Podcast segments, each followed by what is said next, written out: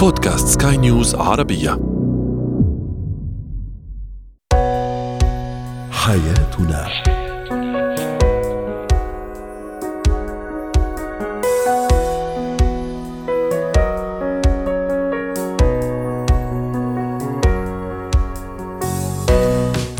سمعنا الكرام أهلا بكم معنا إلى حياتنا فضاؤكم اليومي الذي يعنى بشؤون الأسرة وباقي الشؤون الحياتية الأخرى والذي يمكنكم الاستماع إليه عبر منصة سكاي نيوز dot com slash بودكاست وباقي منصات سكاي نيوز العربية الأخرى. شاركونا عبر رقم الواتساب 00971 561 8862 اثنان ثلاثة. معي أنا أمال شابة.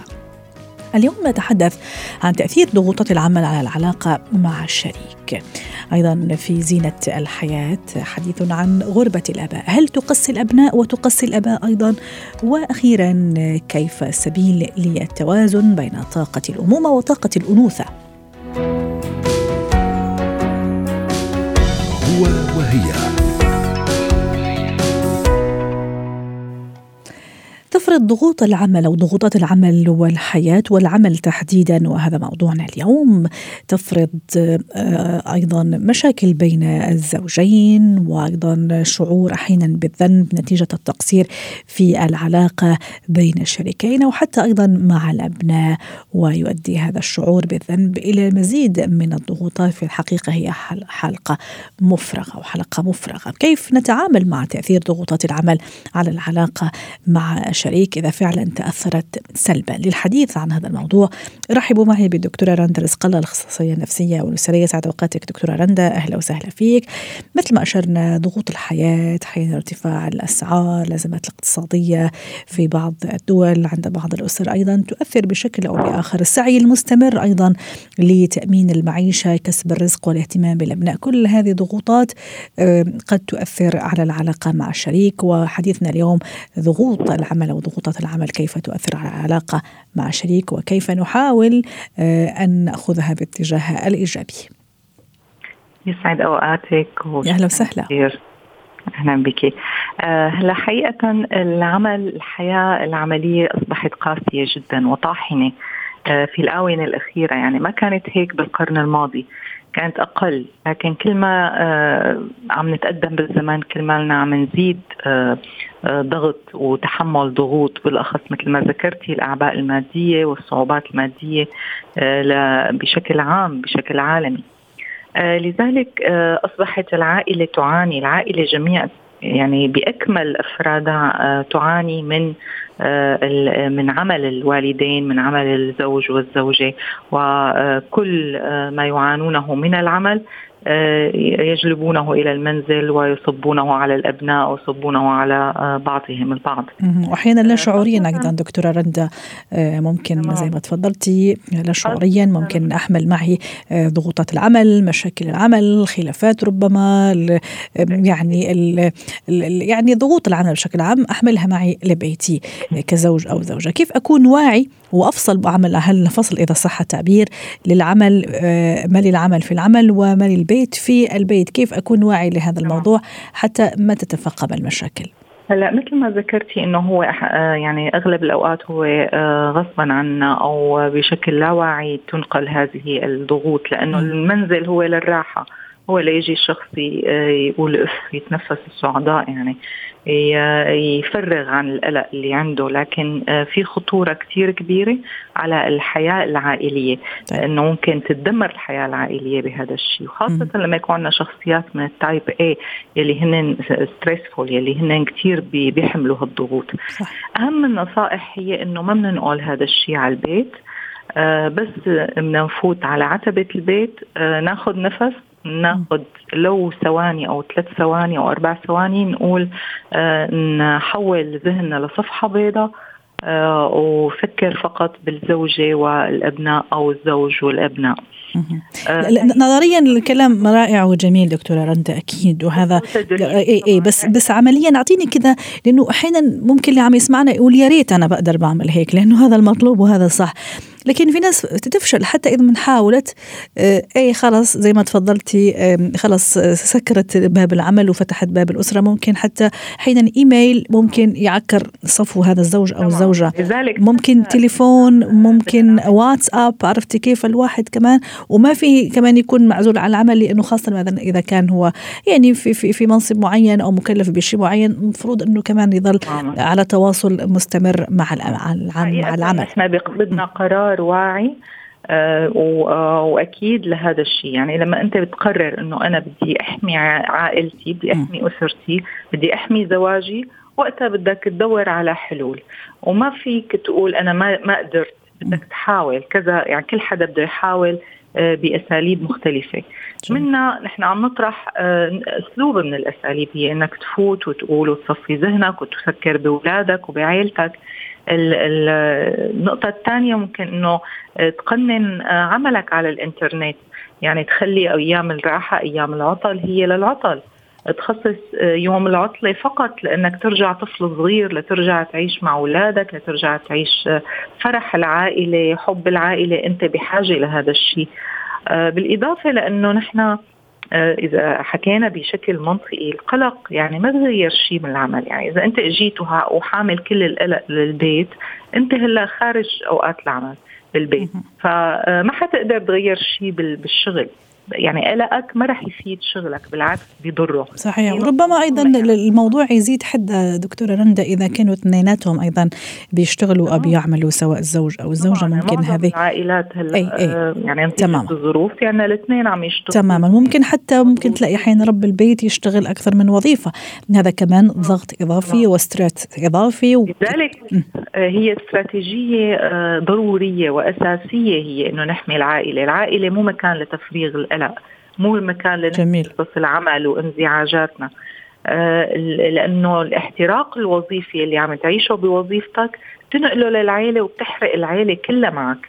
لذلك إذا كنت آه أنت عم تشتغل مشان عائلتك بيقولوا لك الأهل والهي أنا عم بشتغل مشان أولادي عم بشتغل مشان عائلتي مشان مستقبل العائله طيب إذا أنت عم تشتغل مشان مستقبل العائله هل يا ترى آه مستعد إنه تنحرق هي العائله تحترق مثلك اعصابها وتصير بقلق وتصير تدفع الثمن غالي ثمن هذا العمل لأنه الثمن العمل اللي أنت عم تقبضه اللي أنت الراتب اللي عم تقبضه هو مصاري. صح. بس أنت اللي عم تدفعه هو آه، طاقة نفسية هو هرمونات ضغط هو آه، آه، عدم نوم هو أرق هو قلق. هذا ممكن ندفعوا كمان مصاري بزيارة أطباء وزيارة دكاترة وزيارة عرفتي كيف ندفعوا بشكل أو بآخر. ممكن صحتنا ستريس ممكن أمراض ممكن لا سمح الله تيجي نتيجة هذا القلق وتزايد الضغوط بشكل يومي. صحيح الكلام. لذلك نحن بحاجة لنظام آه طعام يقلل آه الهرمونات ال stress. يعني نحن بدنا نشتغل دائما إنه نقلل هرمونات ال stress بالجسم لأنه بالنهاية على المدى البعيد مثل ما قلتي هي حتعملنا ضرر صحي كبير آه، ضرر جسدي حقيقي. مو بس نفسي. واضح. واقعي. آه فبدنا نعمل نظام طعام قليل السكر وقليل آه يكون آه يعني يكون صحي أكثر آه بدنا نعمل نظام رياضة مشان نفرغ الطاقة. كلها لأنه آه، في كتير بعرف إنه بيروحوا قبل الشغل بيعملوا آه، سبورت بيفرق بيهيئوا حالهم بيهيئوا جسمهم لحتى إنه آه، يتحمل هذا الضغط الكبير أو بعد العمل ممكن إنه يعمل رياضة. صحيح جميل جدا. يعني وضع هذا الخطة عم نختم دكتورة رندا انه وضع هالخطه ويا ريت كمان تكون بين الشريكين وبين الزوجين اللي فعلا تحت تأثير ضغوط العمل. فأكيد هذا راح يساهم كثير وكثير كثير في يعني إنه نخفف من ضغوط العمل وبالتالي تخفيف المشاحنات والخلافات بين الزوجين. شكرا لك دكتورة رندا رزق الله الاختصاصية النفسية الاسريه ضيفتنا العزيزة وأتمنى لك أوقات سعيدة. زينة الحياة. اليوم سنتحدث عن موضوع مهم جدا غربة الآباء. هل تقسي الأبناء وهل تقسي الآباء بحد ذاتهم؟ أحيانا يضطر بعض الآباء للغربة لترك أولادهم بيتهم عائلتهم وحتى بلدهم لتحسين ظروف المعيشة. ربما أحيانا لأنه في منحة دراسية يعني تختلف الأسباب لكن نتيجة واحدة هو ابتعاد الأب عن عائلته وعن أبنائه. ما أضرار؟ ما سلبيات هذا الموضوع؟ وهل في جانب إيجابي؟ دعونا نتعرف على خفايا وزوايا هذا الموضوع مع أماني دغلس الاختصاصية النفسية والتربوية ضيفتنا من عمان. يسعد أوقاتك أستاذة أماني. أهلا وسهلا فيك. أهلا وسهلا أهلا وسهلا أهلا, أمان. أهلا فيكم أهلا فيكم. آه، أحيانا الأب أكيد آه، كل هم كآباء وأمهات بدون شك. راحة البيت راحة العائلة سعادة الأولاد نوفر لهم أحسن معيشة أحسن تعليم أحسن يعني صحة أيضا وتربية و قد يضطر بعض الآباء للغربة ويتغرب هذا الأب عن أبنائه. ممكن وهم في سن صغيرة ممكن لا. كبروا في سن المراهقة في سن الشباب. المهم هل هذه الغربة تقسي أولا الأبناء وتقسي الأباء؟ وهل من جانب إيجابي حنا ما عم نشوفه في الموضوع؟ حقيقة موضوع سفر الآباء لطلب العيش وتغيير ظروف الحياة الاقتصادية الأسرية. طبعا حتى الحالات اللي إحنا يعني الحالة اللي إحنا بنعيشها آه، حتمت على كثير من آباء إنهم يتركوا اسرهم ويسافروا بغرض إنه يعني يحققوا الاحتياجات المادية والاقتصادية لاسرهم.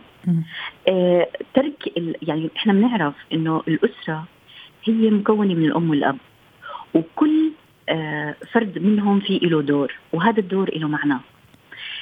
بزوال واحد من هاي الأدوار ممكن إنه يأثر على على الطفل أو على الابن أو الابنه من على الأقل من الناحية النفسية. حتى وإن أحيانا الأم تقوم بهذا الدورين في آن واحد حتى وإن أحيانا ممكن الأب يجي كل فترة وأخرى يعني كثير الزيارات كثير التردد على أولاده حتى في يعني وهم عم يحاولوا يعوضوا هذا النقص رح يكون في هذا الخلل؟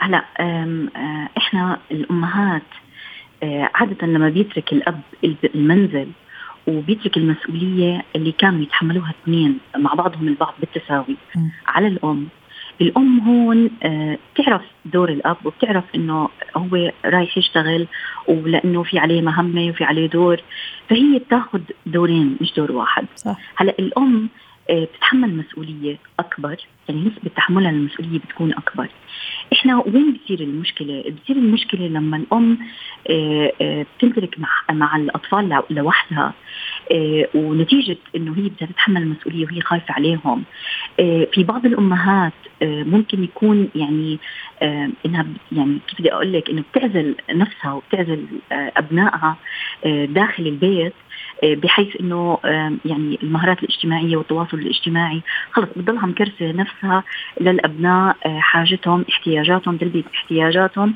عشان تسد يعني هي من خوفها عليهم. وأيضا من خوفها من موضوع تحمل المسؤولية. يعني انت بتتركي المسؤولية على الأم برضه هذا آه، بيأثر عليها. والتأثير اللي عليها بينتقل للأطفال. يعني نسبة القلق يعني في دراسات بتشير إنه نسبة القلق اللي بتتعرض له الأمهات نتيجة تركهم يتحملوا مسؤولية أبنائهم. لسفر الآباء بتكون نسبة عالية جدا. والأم يعني حتى في دراسات بتقول لك إنه نسبة القلق والعصبية بتنتقل للأطفال. يعني ممكن الأم تصير تنبه أبنائها أو بناتها إنه ما بدنا نحكي مع غرباء آه، آه، خليكم دائما أنتم على تواصل معي آه، أنا دائما خايفة عليكم. خوفها وقلقها يعني بينتقل لهم هلا في بعض الأمهات ممكن إنها يعني تعمل توازن أو تنتبه لهذا الشيء إنه ممكن إنه يأثر على الأطفال فيما بعد يعني على آه، مراهقتهم آه، مكبرهم آه، ممكن إنه دائما كمان حتى موضوع المسؤولية اتخاذ القرار بتلاقي الأم بتتولى هي الأمور هاي كلياتها. بتنسى طيب. إنه أنا لازم أخلي أطفالي يتخذوا قرار يتحملوا مسؤولية بيأثر عليهم لقدام. طيب. أستاذ أماني إحنا كمان طرحنا سؤال ويعني انطلقنا من السؤال هل يقسي الأبناء هذا هذه الغربة هذا البعد؟ وهل يقسي الأباء أيضا يخليهم قاسيين شوي؟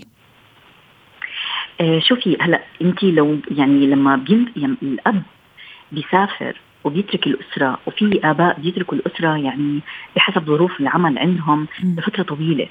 هذا الوقت الأطفال عم بينموا وعم بيكبروا من ناحية عقلية من ناحية معرفية من ناحية نفسية من ناحية اجتماعية. حتى حتى هو بيغيب بيكونوا أطفال بيرجع بلاقيهم تغيروا جسديا. صح. هلأ مع هاي التغيرات يعني أنا حتى كنت أسمع إنه الأطفال يعني وحتى لما صاروا بمرحلة المراهقة بيقول لك إنه إحنا التواصل ما بيننا وما بين أبونا يعني الوالد صار صعب علينا. ما ما نقدر نحكي له زي ما بنحكي مع أمنا. أو ما بنقدر نحكي له يمكن حتى بتعرفي انت إيش اللي كمان المشكلة اللي ممكن مرات الأم ترتكبها من غير قصد. إنه لما بده يجي الأب بده يرتاح في البيت من جاي بالعطله بده يرتاح بين الأسرة. بتخبي عنه كل القضايا أو المشاكل اللي ممكن يكونوا عم بيتعرضوا لها الأولاد أو البنات. لأنه هي بدها تخفف عنه وإنه خلص أنا متولية لكل الأمور. فبتلاقي الأبناء ممكن يستغلوا هذا الشيء وممكن يعني خلص غياب الدور الأب آه، بتلاقي الأولاد أو البنات آه، التواصل حتى التواصل كونكشن مع مع ال مع ال الأب آه، بيكون ضعيف. ما بيقدروا يعبروا عن حالهم حتى قدامه. طيب. نفس الشيء الأب. يعني رح أحكي لك يعني عن هذا الموضوع. إيه نحاول نختصر لأنه الوقت يدهمنا وحتى نستفيد أيضا من من كل هذه المعلومات. أستاذ أماني. تفضلي. أي أنا كان بدي أقول أكيد يعني مثل ما حضرتك عم عم تحكي في جوانب كثيرة عم يخسرها هذا الأب والأبناء أيضا باعتبار إنه الأب عنده أدوار محددة يقوم بها تجاه أولاده وكمان الأم عندها أدوار محددة حتى وإن قامت بدور الأب والأم أو الام إلا راح يكون شوية في تقصير أو المشاكل اللي حضرتك ذكرتيها. في جانب إيجابي في الموضوع ممكن نشوفه ولا لا؟ للأسف هو سلبي وبعدين كيف إذا تحطينا أمام هيك موقف شو أنسب طريقة اللي حتى تكون الخسائر يعني أقل خسائر إذا صح التعبير؟ باختصار. شوف آه تمام تمام. من البداية إذا الأم والأب جلسوا مع مع الأطفال أو أبنائهم وحكوا عن إنه طبيعة الظروف اللي هلأ بدها تتغير وإنه آه، الوالد بده يروح لأنه في عنا هلأ إحنا احتياجات وبده يلبي لنا إياها والدور يعني هو صح غاب عن البيت لكنه هو موجود. آه، الأب كمان نفس الشيء لما هو بي ما بياخذ دور إنه أنا ما لي دخل خلص أنا جاي أرتاح على البيت أنا ما لي دخل بأي آه، شيء له علاقة بالأبناء أو خلص أمهم بتتولى كل القضايا. هو بيسحب دوره. يعني مرات ال ال الأب هو بيسحب الدور خلص أنا هاي القضايا خلي ألو... الوالدة تتولاها. هلأ وين إحنا بنخاف يعني آه، من هذا الشيء هلأ أنت حكيتي لي إيش أشياء إيجابية. الشيء الإيجابي قد إذا أنا مبلشة بأساس متين مع مع الأولاد ومرحلة مرحلة عمالي بنتبه لهم. وما عم بخلي بعض السلوكيات اللي مني من قبلي أنا كأم نعم. أو كأب تأثر عليهم سلبا. ممكن يتحملوا مسؤولية ممكن يكونوا قادرين على اتخاذ القرار ممكن يصيروا يعتمدوا على حالهم. آه يعني كمان في في يعني في إيجابيات وفي سلبيات. طبعا وأكيد على الأب والأم إنه يحاولوا قد ما فيهم إنه يركزوا على هذه الإيجابيات ويحاولوا أيضا يستفيدوا منها لأنه لكل شيء في هذه الحياة عنده إيجابيات وسلبيات جانب مضيء وجانب مظلم. حتى دائما نركز على الجوانب الإيجابية. شكرا لك أستاذة أماني دغلس الاختصاصية النفسية والتربوية ضيفتنا العزيزة من عمان. مهارات الحياة. اليوم في مهارات سنركز الحديث عن التوازن بين طاقة الأمومة وطاقة الأنوثة. كيف نحدث هذا التوازن؟ رحبوا معي بفاتن سلامة مدربة مهارة حياة. سعد وقتك يا فاتن. أهلا وسهلا فيك. في البداية تعريف بسيط. ماذا يعني طاقة الأمومة؟ وماذا يعني طاقة الأنوثة؟ هل في تداخل بيناتهم؟ وكيف أحدث هذا التوازن؟ مساء الخير عليك يا أمال. مساء الخير على كل المستمعين. وإيه الموضوع يعني إيه, إيه الموضوع القوي ده؟ آه، آه، طاقة الأنوثة وطاقة الأمومة. إحنا غالبا غالبا معظمنا ما بيتداخل علينا تحريف المرأة نقول هي الأنثى. ولكن هي المرأة هي كيان أشمل وأعمق من كونها مجرد أنثى أو كونها مجرد أم.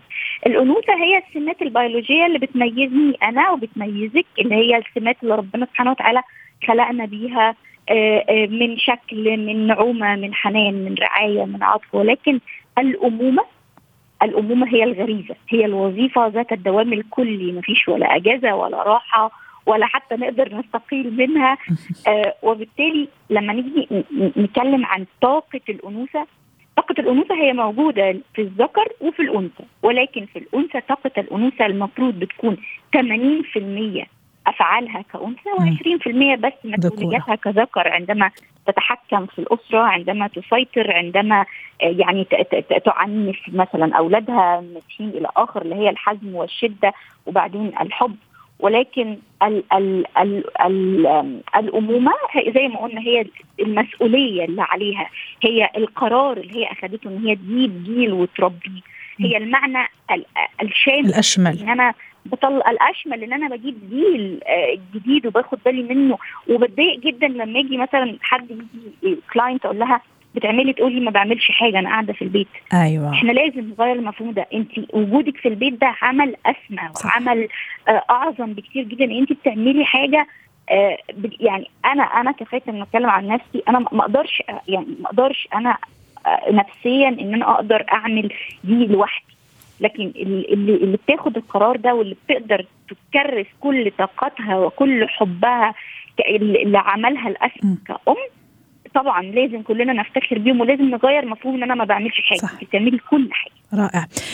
فاتن هي مهارة أني أعرف أوازن بين طاقتي الأنثوية وطاقة الأنوثة وطاقة الأمومة لأنه أحيانا كمان وأنا عم مارس يعني أمومتي أو غريزة الأمومة زي ما تفضلتي حضرتك. ممكن أخلي شوية طاقة الذكورة شوية تتغلب عليها أو ممكن يصير في اختلال شوية في التوازن بين طاقة الذكورة وطاقة الأنوثة اللي زي ما تفضلتي المفروض تكون 80 20% بالنسبة للمرأة والسيدة. أحيانا العكس ممكن وأنا عم أمارس طاقة الانوثه ممكن أهمل شوي في طاقة الامومه وإن كان مش كثير هذه في الحقيقة لأنه هي غريزة زي ما تفضلتي ربنا سبحانه وتعالى أنعمها على على المرأة. كيف أحدث هذا التوازن؟ في كلمة بستخدمها ساعات وساعات الأمهات بتزعل مني اسمها التطرف الأمومي. تبقي متطرفة قوي لأمومتك لدرجة إن انت بتنسي نفسك. هذه هي. آه ولكن آه آه أنا من يعني من عشاق مارتن سلاجمان وهو مؤسس علم النفس الإيجابي عمل نموذج كده اسمه ال PERMA وأنا بستخدمه وبغير فيه إن انت عشان تحدثي التوازن ده فانت لازم حرف ال P يكون في عندك positivity لازم يكون عندك فيه إيجابية في التخطيط لحياتك كأم وكأنثى لازم يكون في أنا بصحى الصبح النهارده زي ما هدي لاولادي وزي ما هدي للبيت هدي لنفسي. رائع. أول حاجة. تاني حاجة حرف ال E اللي هي ال engagement لازم أكون مش بس أنا قفلت نفسي على عالم البيت وعلى عالم الولاد وعلى عالم الزوج لأ في حياة بره في أصدقاء. وكنت لسه عاملة لقاء من قريب على دور الصديق في الدعم النفسي ليا أنا في أي مهمة بعملها. لازم أكون engaged لازم أكون على تواصل باللي بيحصل بره. مش بس اللي هم group ال mommies على الواتساب أيوة. أو مثلا اللي بيحصل أو المدرسة. أشمل من كده. بالظبط. لازم يكون التواصل بتاعي يكون أوسع. لازم يكون في ال me time بتاعي. م. حرف ال R ال relationships لازم يكون ليا علاقات مع صديقة مع أم مع آه مع آه آه بنتي مع ابني تكون خارج محيط إن أنا بعمل حاجة. لأن كمان يا أمال موضوع التطرف الأمومي ده بياخدني من حتة الأمومة كغريزة إنها بتصبح مهنة. أنا بمتهنها وحتة الشغف والحب بيروح مني وبتضيع الأيام وفجأة فلاقي أنا ما عملتش حاجة لنفسي. رائع. أنا ما اهتمتش بنفسي. أنا رائع. أنا أنا عم نختم يا فاتن اتغيرت. حرف ال M اللي هو ال meaning أدور على معنى لنفسي. إيه هو المعنى بتاعي؟ لو حتى ال meaning ده المعنى بتاعي ده يكون في إن أنا بصحى الصبح بدي ولادي الحب فعلا. إن أنا بصحى الصبح بتعلم مهارة كويسة. إن أنا بصحى الصبح بيكون عندي حاجة أعملها المعنى ليا أنا غير إن أنا بصحى الصبح أربي العيال. واضح. يكون في حاجة تانية أنا بعملها غير كده. وآخر حاجة اللي هو حرف الايه الاتشيفمنت إن أنا أكون مبسوطة باللي أنا بحققه. لو حتى كون إن أنا علمت ابني آه جملة جديدة. وحنا انبسطنا كثير اللي سمعناك اليوم فاتن وكثير استفدنا منك. اليوم في كيفية إحداث التوازن بين طاقة الأنوثة وطاقة الأمومة وأتمنى لك كل التوفيق. حياتنا. ختام حلقة اليوم من حياتنا. شكرا لكم وإلى اللقاء.